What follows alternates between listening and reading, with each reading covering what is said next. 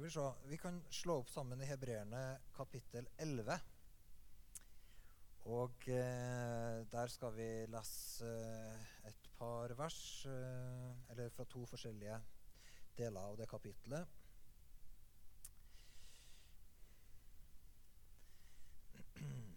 Og det første vi leser fra, er i vers, eh, fra kapittel 11 og vers 11 til 12.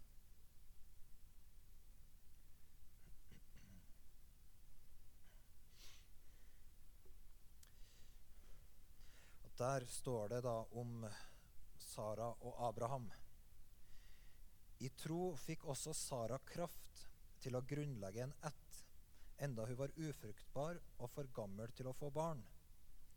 For hun stolte på at han som hadde gitt løftet, var trofast. trofast. Fra én mann som var uten livskraft, kom det derfor en ett så tallrik som stjernene på himmelen, og så talløs som sanden på havets strand. Um, det her Kapittel 11 er jo en sånn oppsummering av uh, trosheltene og på en måte den åndelige historien som uh, vi har. Uh, det her er liksom forfedrene våre i troa, som vi kan si her er slekta vår, her er dem som har gått foran oss. Og Abraham og Sara. Abraham ble jo kalt de, alle troendes far. Han er liksom opphavet til alle som tror. Han blir liksom omtalt på den måten. Eh, og Sara, da, hun De levde jo sammen eh, i egentlig, nesten egentlig et helt liv uten å få barn. Samtidig som de hadde det her løftet om at de skulle få bli opphavet til en ett som da skulle være talløs som sanda på stranda og stjernene på himmelen. Eh, så de levde i den her eh, altså de levde, Det må ha vært en utfordrende fase eller et utfordrende liv. Å leve i denne dobbeltheten av å se at årene går, og på en måte så har de de her løftene, men på andre sida så plutselig Eller årene går, og bare sjansene til å se løftet oppfylt bare tørker opp. Bokstavelig talt. Og både Abraham og står at de begge to på en måte kunne sa at var på et sted der de var Om Sara så står det at hun var ufruktbar og for gammel til å få barn. Og, og om eh, Abraham så står det at han var en mann som var uten livskraft. Så det var på en måte de var til De var ferdige med å være fruktbare trær. De var inntørka trær. For å si det litt røft. Og det De hadde blitt sånne trær som var uten kraft til å bli, være fruktbar det hadde de blitt mens eh, Samtidig som Gud har talt til dem at eh, hei, dere skal få en stor ett. Dere skal bli opphavet til ei ett som er som sanda på stranda og stjernene på himmelen. Og eh, når du leser denne eh, historien, den åndelige historien vår, da, så finner du at det er veldig veldig ofte et sånt gjentagende tema. At Gud kommer og taler til og møter folk som da har kommet til slutten av seg sjøl, for at de begynner å Det eneste de har å holde fast på, det er Han. Og når folk kommer dit, så starter på en måte Gud noe nytt. Så det står, altså Abraham og Sara de kom til et punkt der de var helt de kom til enden av seg sjøl. De hadde ingenting kraft til å oppfylle det her løftet med. Eh, de hadde ikke noe å levere. De hadde ikke noe å bringe på banen. Men Gud da, han, eh, han, var større enn de tingene der. Og da står det her at hun fikk kraft til å grunnlegge en ett. Hun som var ufruktbar, fikk da kraft til å grunnlegge en ett. Og det, står, det, det gjorde hun fordi hun stolte på at han som hadde gitt løftet, var trofast. Så hun så på seg sjøl og så her er det ikke noe fruktbarhet. Og så venta blikket på han som ga løftet. Og sier nei, men eh, jeg kjenner jo han. Han er jo trofast. Han eh, svikter ikke. Han, det er ikke sånn at ordene hans på en måte faller død til bakken og ikke blir noe av. Men jeg kjenner jo han. Jeg stoler på han. Han har gitt meg et løfte. Så på en måte så er det enda altså Sara hadde et forhold til løftet som ikke bare gikk på en måte på løftet, men det gikk tilbake til han som ga løftet. Hun visste at han var trofast. Er dere med? Men, men så historien til Guds folk er full av sånne, sånne historier. Du har historien om Naomi og, og Ruth. Og hvordan eh, da de her eh, Naomi, da, som var svigermora til Ruth, hun, hun var ei velstående dame. Hun hadde mann, hun hadde to sønner, og eh, de, de, ting var bra.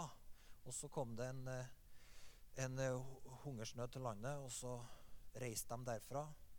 Og mens hun reiste, da, for, og da var, det var på en måte, De hadde et ressurssterkt utgangspunkt, og mens de reiste, så døde ikke bare mannen hennes, men begge sønnene hennes døde, og hun sitter igjen med to svigerdøtre og ingen eh, framtid, på en måte, ut fra hvordan økonomien var rigga i den kulturen. Så var det liksom Det var over eh, for henne. Og så reiser hun tilbake, og hun kaller meg ikke lenger Naomi, men kaller meg liksom Sorg eller Mara, det, det navnet hun ber om. For at eh, livet mitt har blitt en sorg. liksom.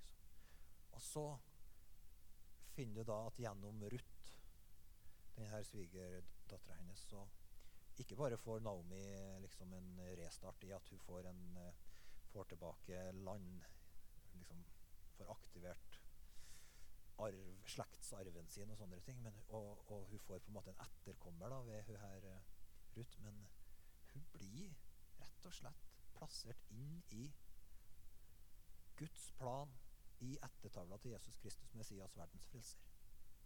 Altså Det er en sånn gjenreisning. Hun som hadde alt, mista alt. Hadde gitt opp alt håp.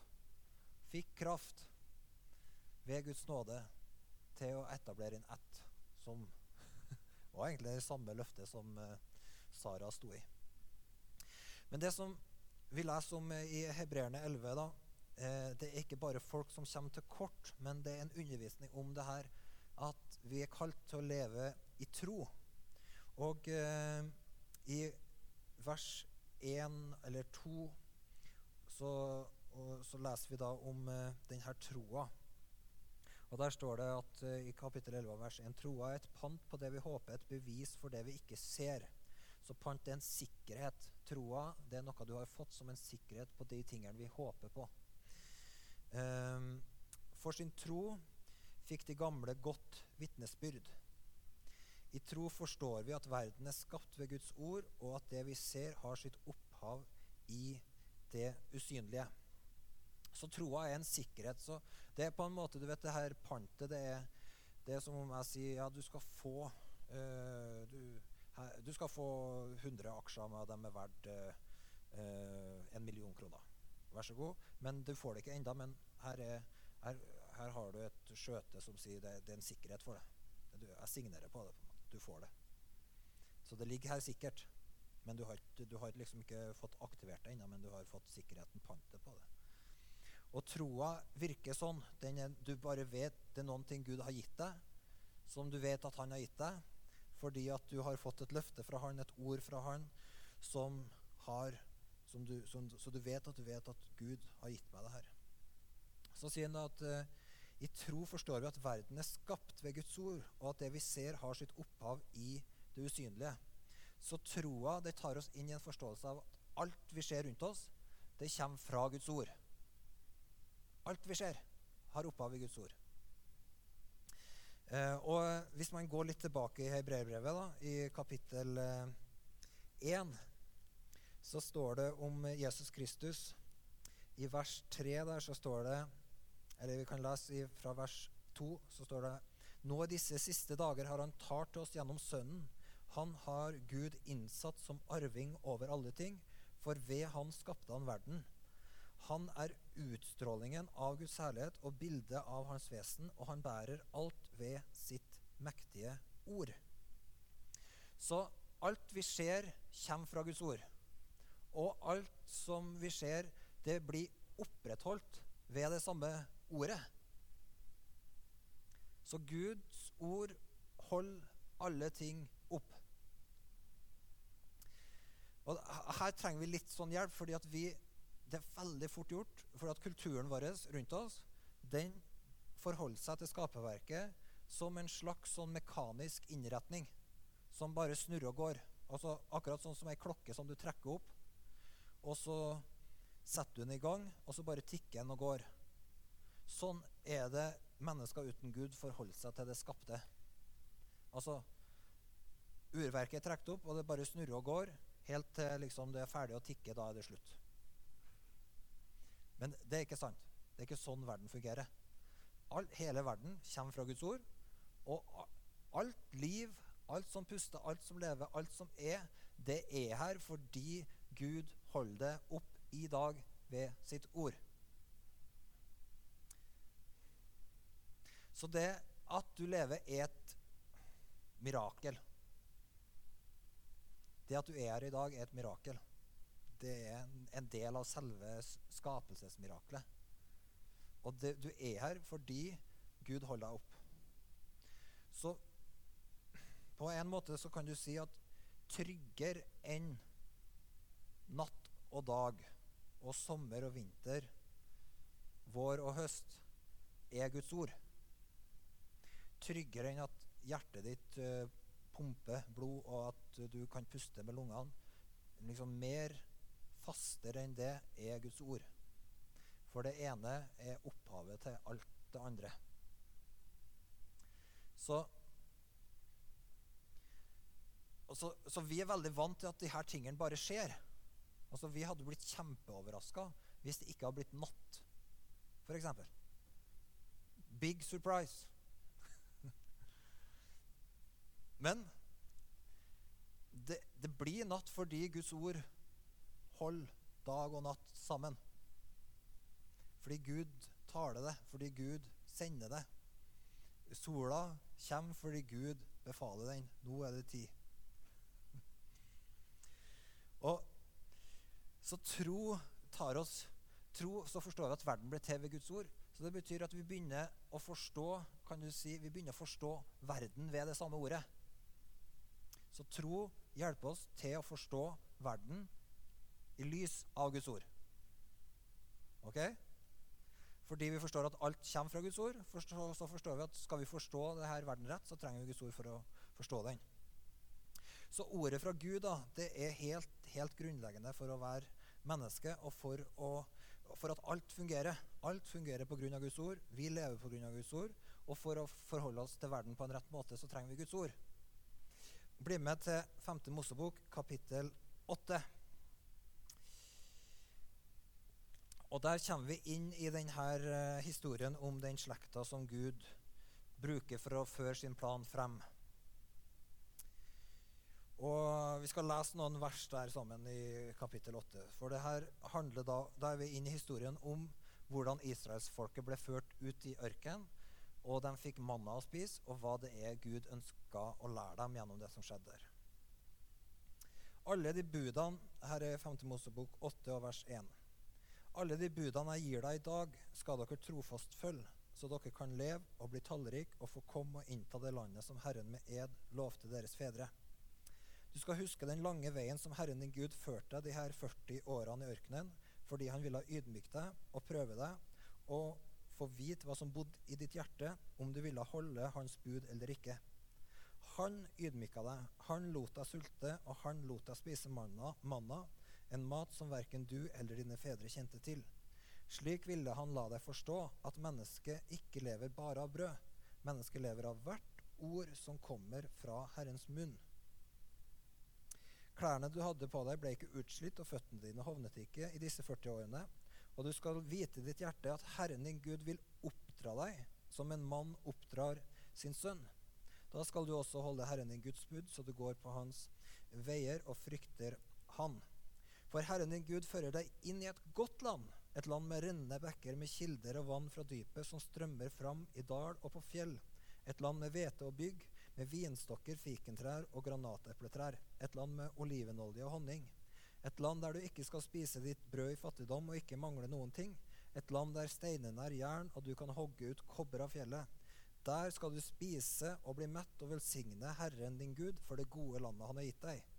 Men vokt deg så du ikke glemmer Herren din Gud, og forsømmer å holde budene, lovene og forskriftene hans som jeg pålegger deg i dag. Når du spiser og blir mett, når du bygger fine hus og bosetter deg i deg, dem, når Ditt storfe og småfe øker i tall når du får mengder av gull og sølv, og hele din eiendom vokser. Vokt deg da så du ikke blir hovmodig og glemmer Herren din Gud, Han som førte deg ut av Egypt, ut av slavehuset. Han ledet deg gjennom den store, uhyggelige ørkenen med giftslanger og skorpioner, et tørstende land uten vann. Han lot vannet strømme for deg fra harde fjellet. Han lot deg spise manna i ørkenen, en mat som dine fedre aldri hadde kjent til. Alt dette gjorde han for å ydmyke deg og prøve deg, og så, til slutt, gjøre vel mot deg. Du kan si i ditt hjerte, det er min egen kraft og min sterke hånd som har skaffet meg denne rikdommen. Men husk Herren din Gud, for det er Han som gir deg kraft til å vinne rikdom. Og så videre. Så her forklarer på en måte Gud i veldig klartekst hva var det som var hensikten med de her årene i ørkenen.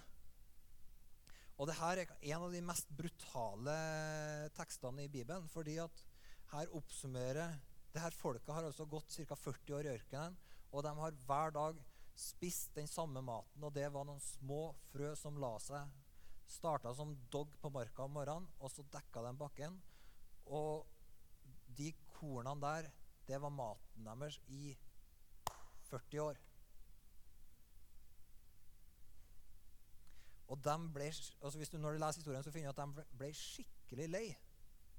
Men det, det paradokset her det er liksom sånn Hver dag var det et nytt mirakel. Så de sto opp om morgenen.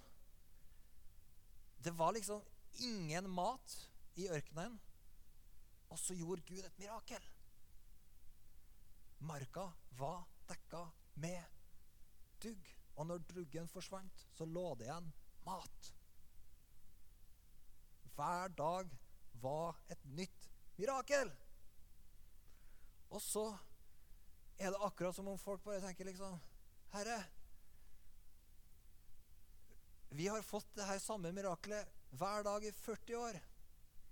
Manna-miraklet, liksom. Kan du ikke gjøre et biff-mirakel? Altså, det er jo ingen problem når du kan dekke liksom, ørkenen med, sand, med fint, fint eh, korn som smaker litt som honning.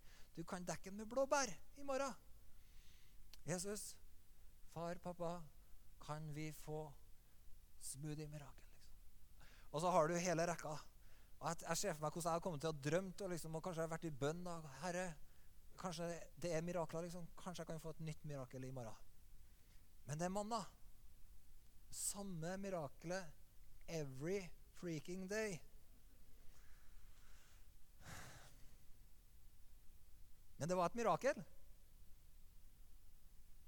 Det var Guds ord som mirakuløst ga dem denne maten hver dag. Og så står det da at du skal huske vers 2, du skal huske den lange veien som Herren din Gud førte deg disse 40 år i ørkenen, fordi han ville ydmyke deg og prøve deg for å vite hva som bodde i hjertet ditt, om du ville holde hans bud eller ikke. Han ydmyka deg, han lot deg sulte, han lot deg spise manna, en mat som verken du eller dine fedre kjente til. Slik ville han la deg forstå at mennesket ikke lever bare av brød. Mennesket lever av hvert ord som kommer fra Herrens munn. Og da kjenner du liksom at det bruser litt på innsida, så tenker du Var det bare det? Har vi gått i 40 år bare for å lære at mennesket lever ikke av brød alene, men av hvert ord som kommer fra Guds munn? 40 år! Det er hele livet mitt. Herre, 40 år! Hvis du kanskje hadde sagt når vi starta, at liksom OK, folkens, her har vi én leksjon vi skal lære. Det er mennesket lever av hvert ord fra Guds munn.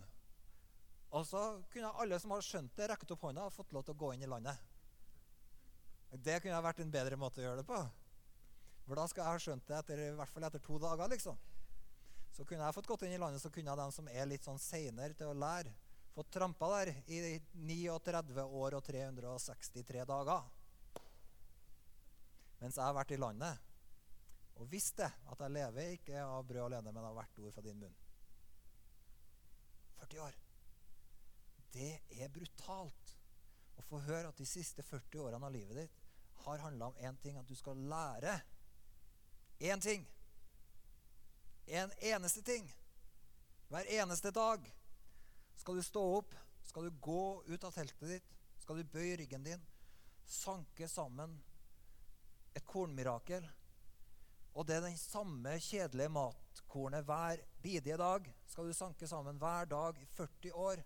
Og all den sankinga og jobbinga og slitsomme arbeidet Ikke bare skal du sanke det, men du skal liksom samle det, og så skal det fordeles på alle, og så skal det bakes og 40 år hver dag. Én leksjon. Mennesket lever ikke av brød alene, men av hvert ord som går ut fra din munn. Takk, Jesus.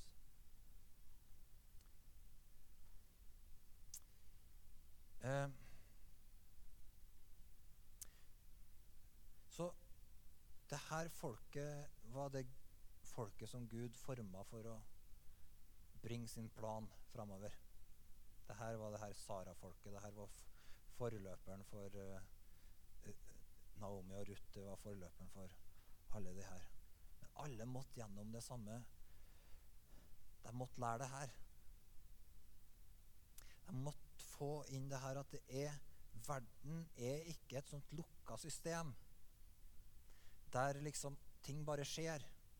Ting går sin skeive gang, og kanskje går det deg bra, og kanskje går det deg dårlig. Nei, nei, nei. Det er ikke sånn. Ordet fra min munn avgjør enhver sak. Amen. Folkens, hør det, lær det, tren på det. Nå bruker vi 40 år, og det er det dere skal lære. Så Gud, han er, han er desperat etter å få forma et folk som forstår det helt grunnleggende, enkle prinsippet at det her ordet er det vi lever av. Ordet fra Guds munn er det som avgjør enhver sak. Ordet fra Guds munn er det som, som avgjør framtida vår. Det er det som avgjør dagen i dag. Ordet fra Guds munn er det som gir oss det vi trenger hver eneste dag.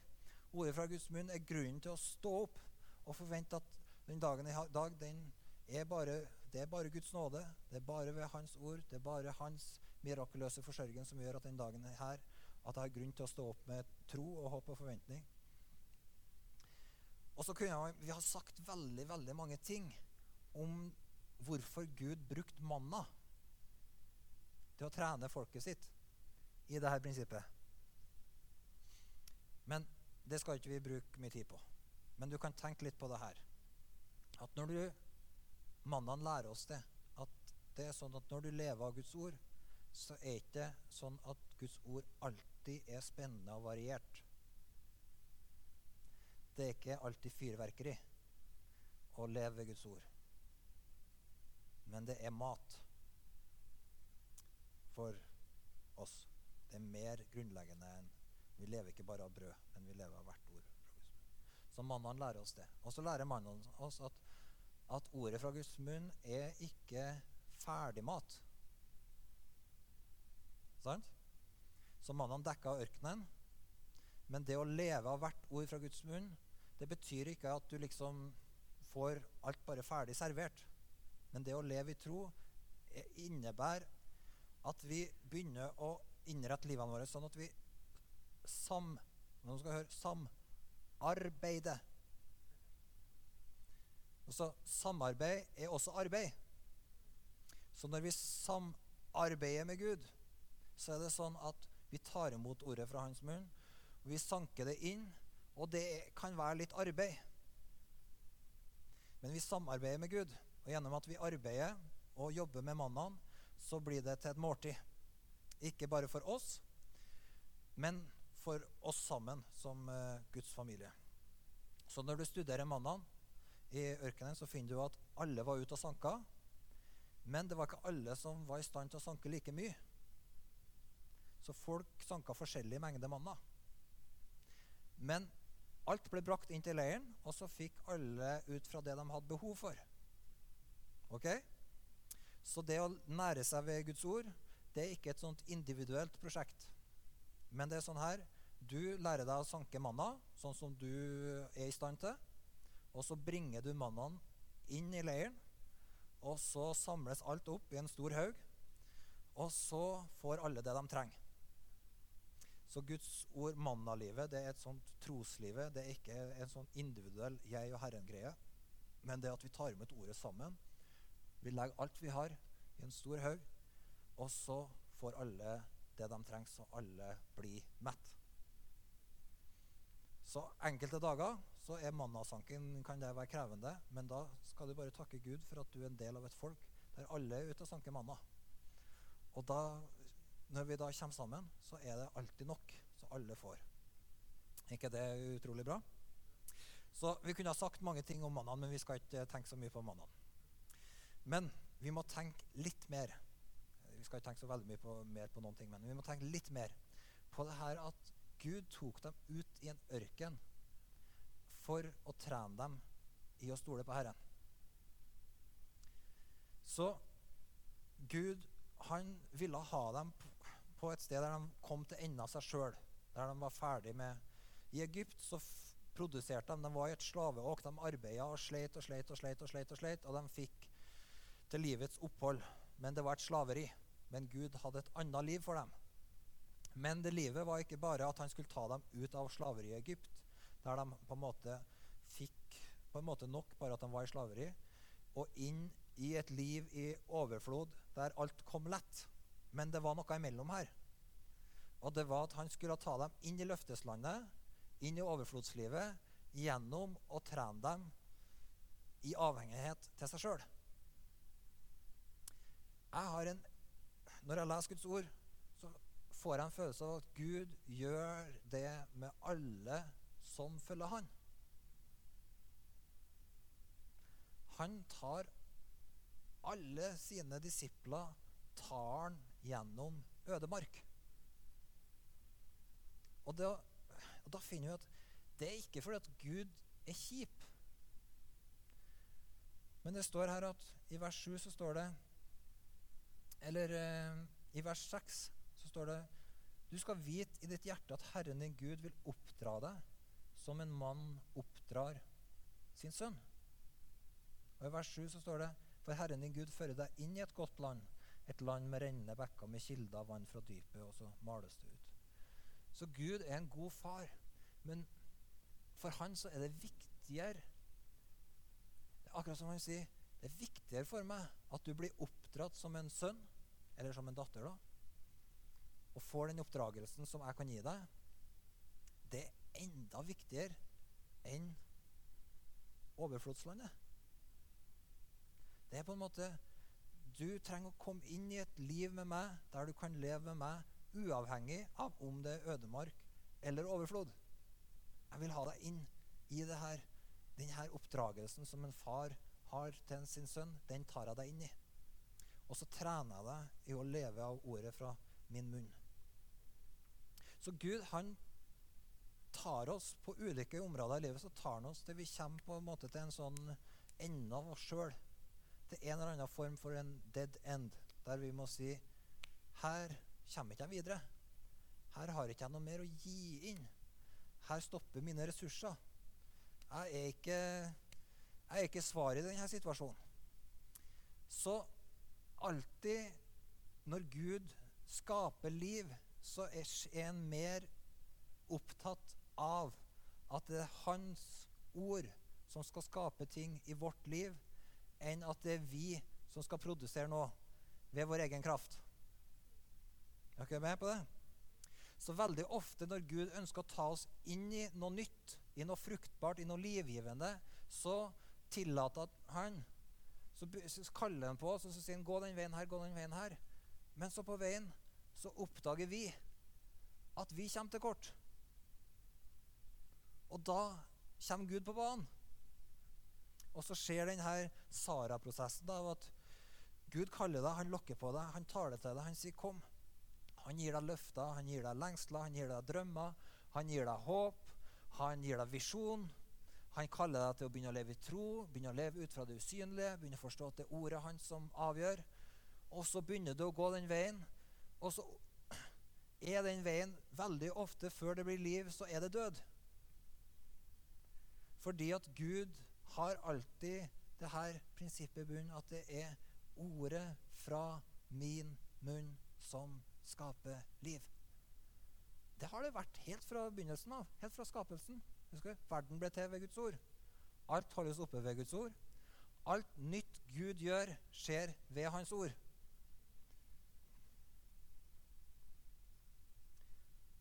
Og da blir man nesten litt sånn Ja, men er, hvorfor er vi en del av dette bildet? Hva er vår greie? Sara, hun ble fruktbar fordi hun holdt Han som ga løftet, som trofast. La oss uh, se i Hebreerbrevet i kapittel uh, 4.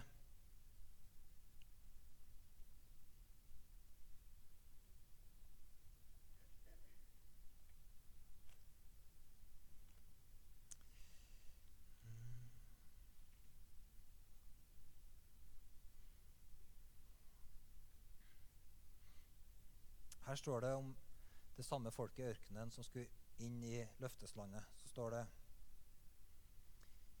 La oss altså være på vakt, fra vers 1, så det ikke skal vise at noen av dere blir liggende etter, siden løftet om å komme inn til Guds hvile fortsatt gjelder. For det gode budskapet er forkynt både for oss og for dem, men ordet de her hørt, ble til ingen nytte fordi det ikke ble ett i troen sammen med dem som hørte. Og Noen oversettelser sier fordi det ikke ved troen smelta sammen med hjertet til dem som hørte. Er det noen som har den oversettelsen? Mm. Så ordet det, har, det, beskrives nesten som en sånn befruktning, som en sånn menneskelivforbrukning. Ordet kommer til hjertet, og så er det en sammensmelting. Så ordet har i seg Det er som en sæd som på en måte sås inn i hjertet. Og så, når det her hjertet er trosmjukt og klart for å ta imot det her såkornet, så kommer ordet inn, og så smelter det sammen med hjertet, og så skapes det noe helt nytt. Gud ser etter den prosessen. Av og til så virker det som om han, han tillater oss til å komme inn i de her utfordringene som gjør at vi bare kommer til det stedet vi roper 'Herre, vi trenger deg. Vi er desperat etter deg. Herre, jeg har ingen sted annet å gå. Har bare deg å gå til. Jeg trenger deg. Jeg trenger at du kommer med ordet ditt. Jeg trenger at du berører hjertet mitt. Jeg trenger at du åpner opp livet mitt. Og så, når vi er på det stedet der, så får Gud jobba med hjertene våre, og så finner hjertet som Tro er ikke noe annet enn at vi bare, som Sara, holder Han som ga løftet, for trofast. Det at du vet at det er ingen annet sted å gå. Du vet at det er ingen andre løsninger. Det er bare én som er trofast. Det er bare én du kan stole på. Og det er han. Og når du kommer til han med det hjertet, så kommer han tilbake til deg med sitt ord. Og så smelter det sammen. Og så skjer det et sånt skapelsesmirakel fra Herren. Der han kan gjøre noe helt nytt. Sånn at vi kan få være ikke bare enkeltmennesker som er som Sara, men at vi kan få være et folk som er som Sara. Som da det står I tro fikk også Sara kraft til å grunnlegge en ett, enda hun var ufruktbar og for gammel til å få barn, for hun stolte på at han som hadde gitt løftet, var trofast. Løftet fra Gud var en sterkere realitet enn Sara sin ufruktbarhet. Han som ga løftet, var trofast. Fra en mann som var uten livskraft, kom det derfor en ett så tallrik som stjernene på himmelen, og så talløs som sanda på havets strand.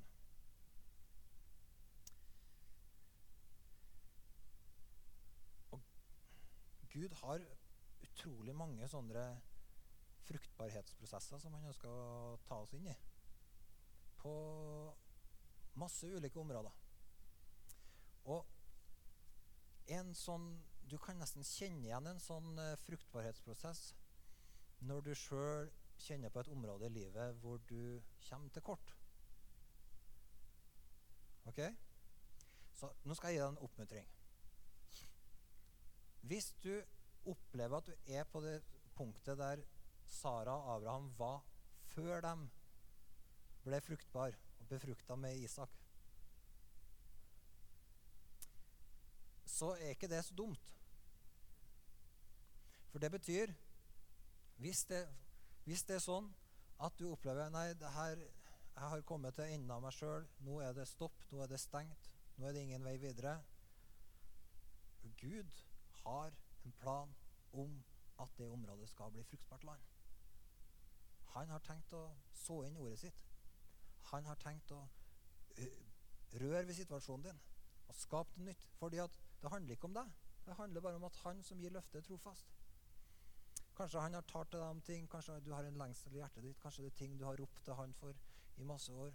Men nei, han som kan løfte det trofast. Og han har, sjøl om ting er tørt, og sjøl om du på en måte er på enden av noe, så er ikke det slutten. Kanskje er det faktisk begynnelsen. Fordi at Gud på en måte får denne plassen som han trenger til å komme med ordet sitt og befrukte oss. Og så tror jeg at at Gud først og fremst, enda mer enn å føre oss inn i ørken, så ønska han først og fremst å føre oss inn i ordet sitt og inn i løftene sine og inn i fellesskapet med seg sjøl. Fordi at ørken var aldri målet til Gud. Løfteslandet var et mål, men det store målet er at han fører oss inn til seg, så vi blir det folket som kjenner han, og som lever ved hvert ord fra hans munn, og som han kan bruke til å velsigne jorda og fylle jorda med sitt bilde på alle mulige måter. Så far, jeg ber om at uh, vi skal få være sånn uh, åpen jordsmonn, Herre. Sånn, det går an å bruke uttrykket, sånn blødende jord som er åpna, som du kan så i, Herre. Herre, som er mjuk og åpen, Herre.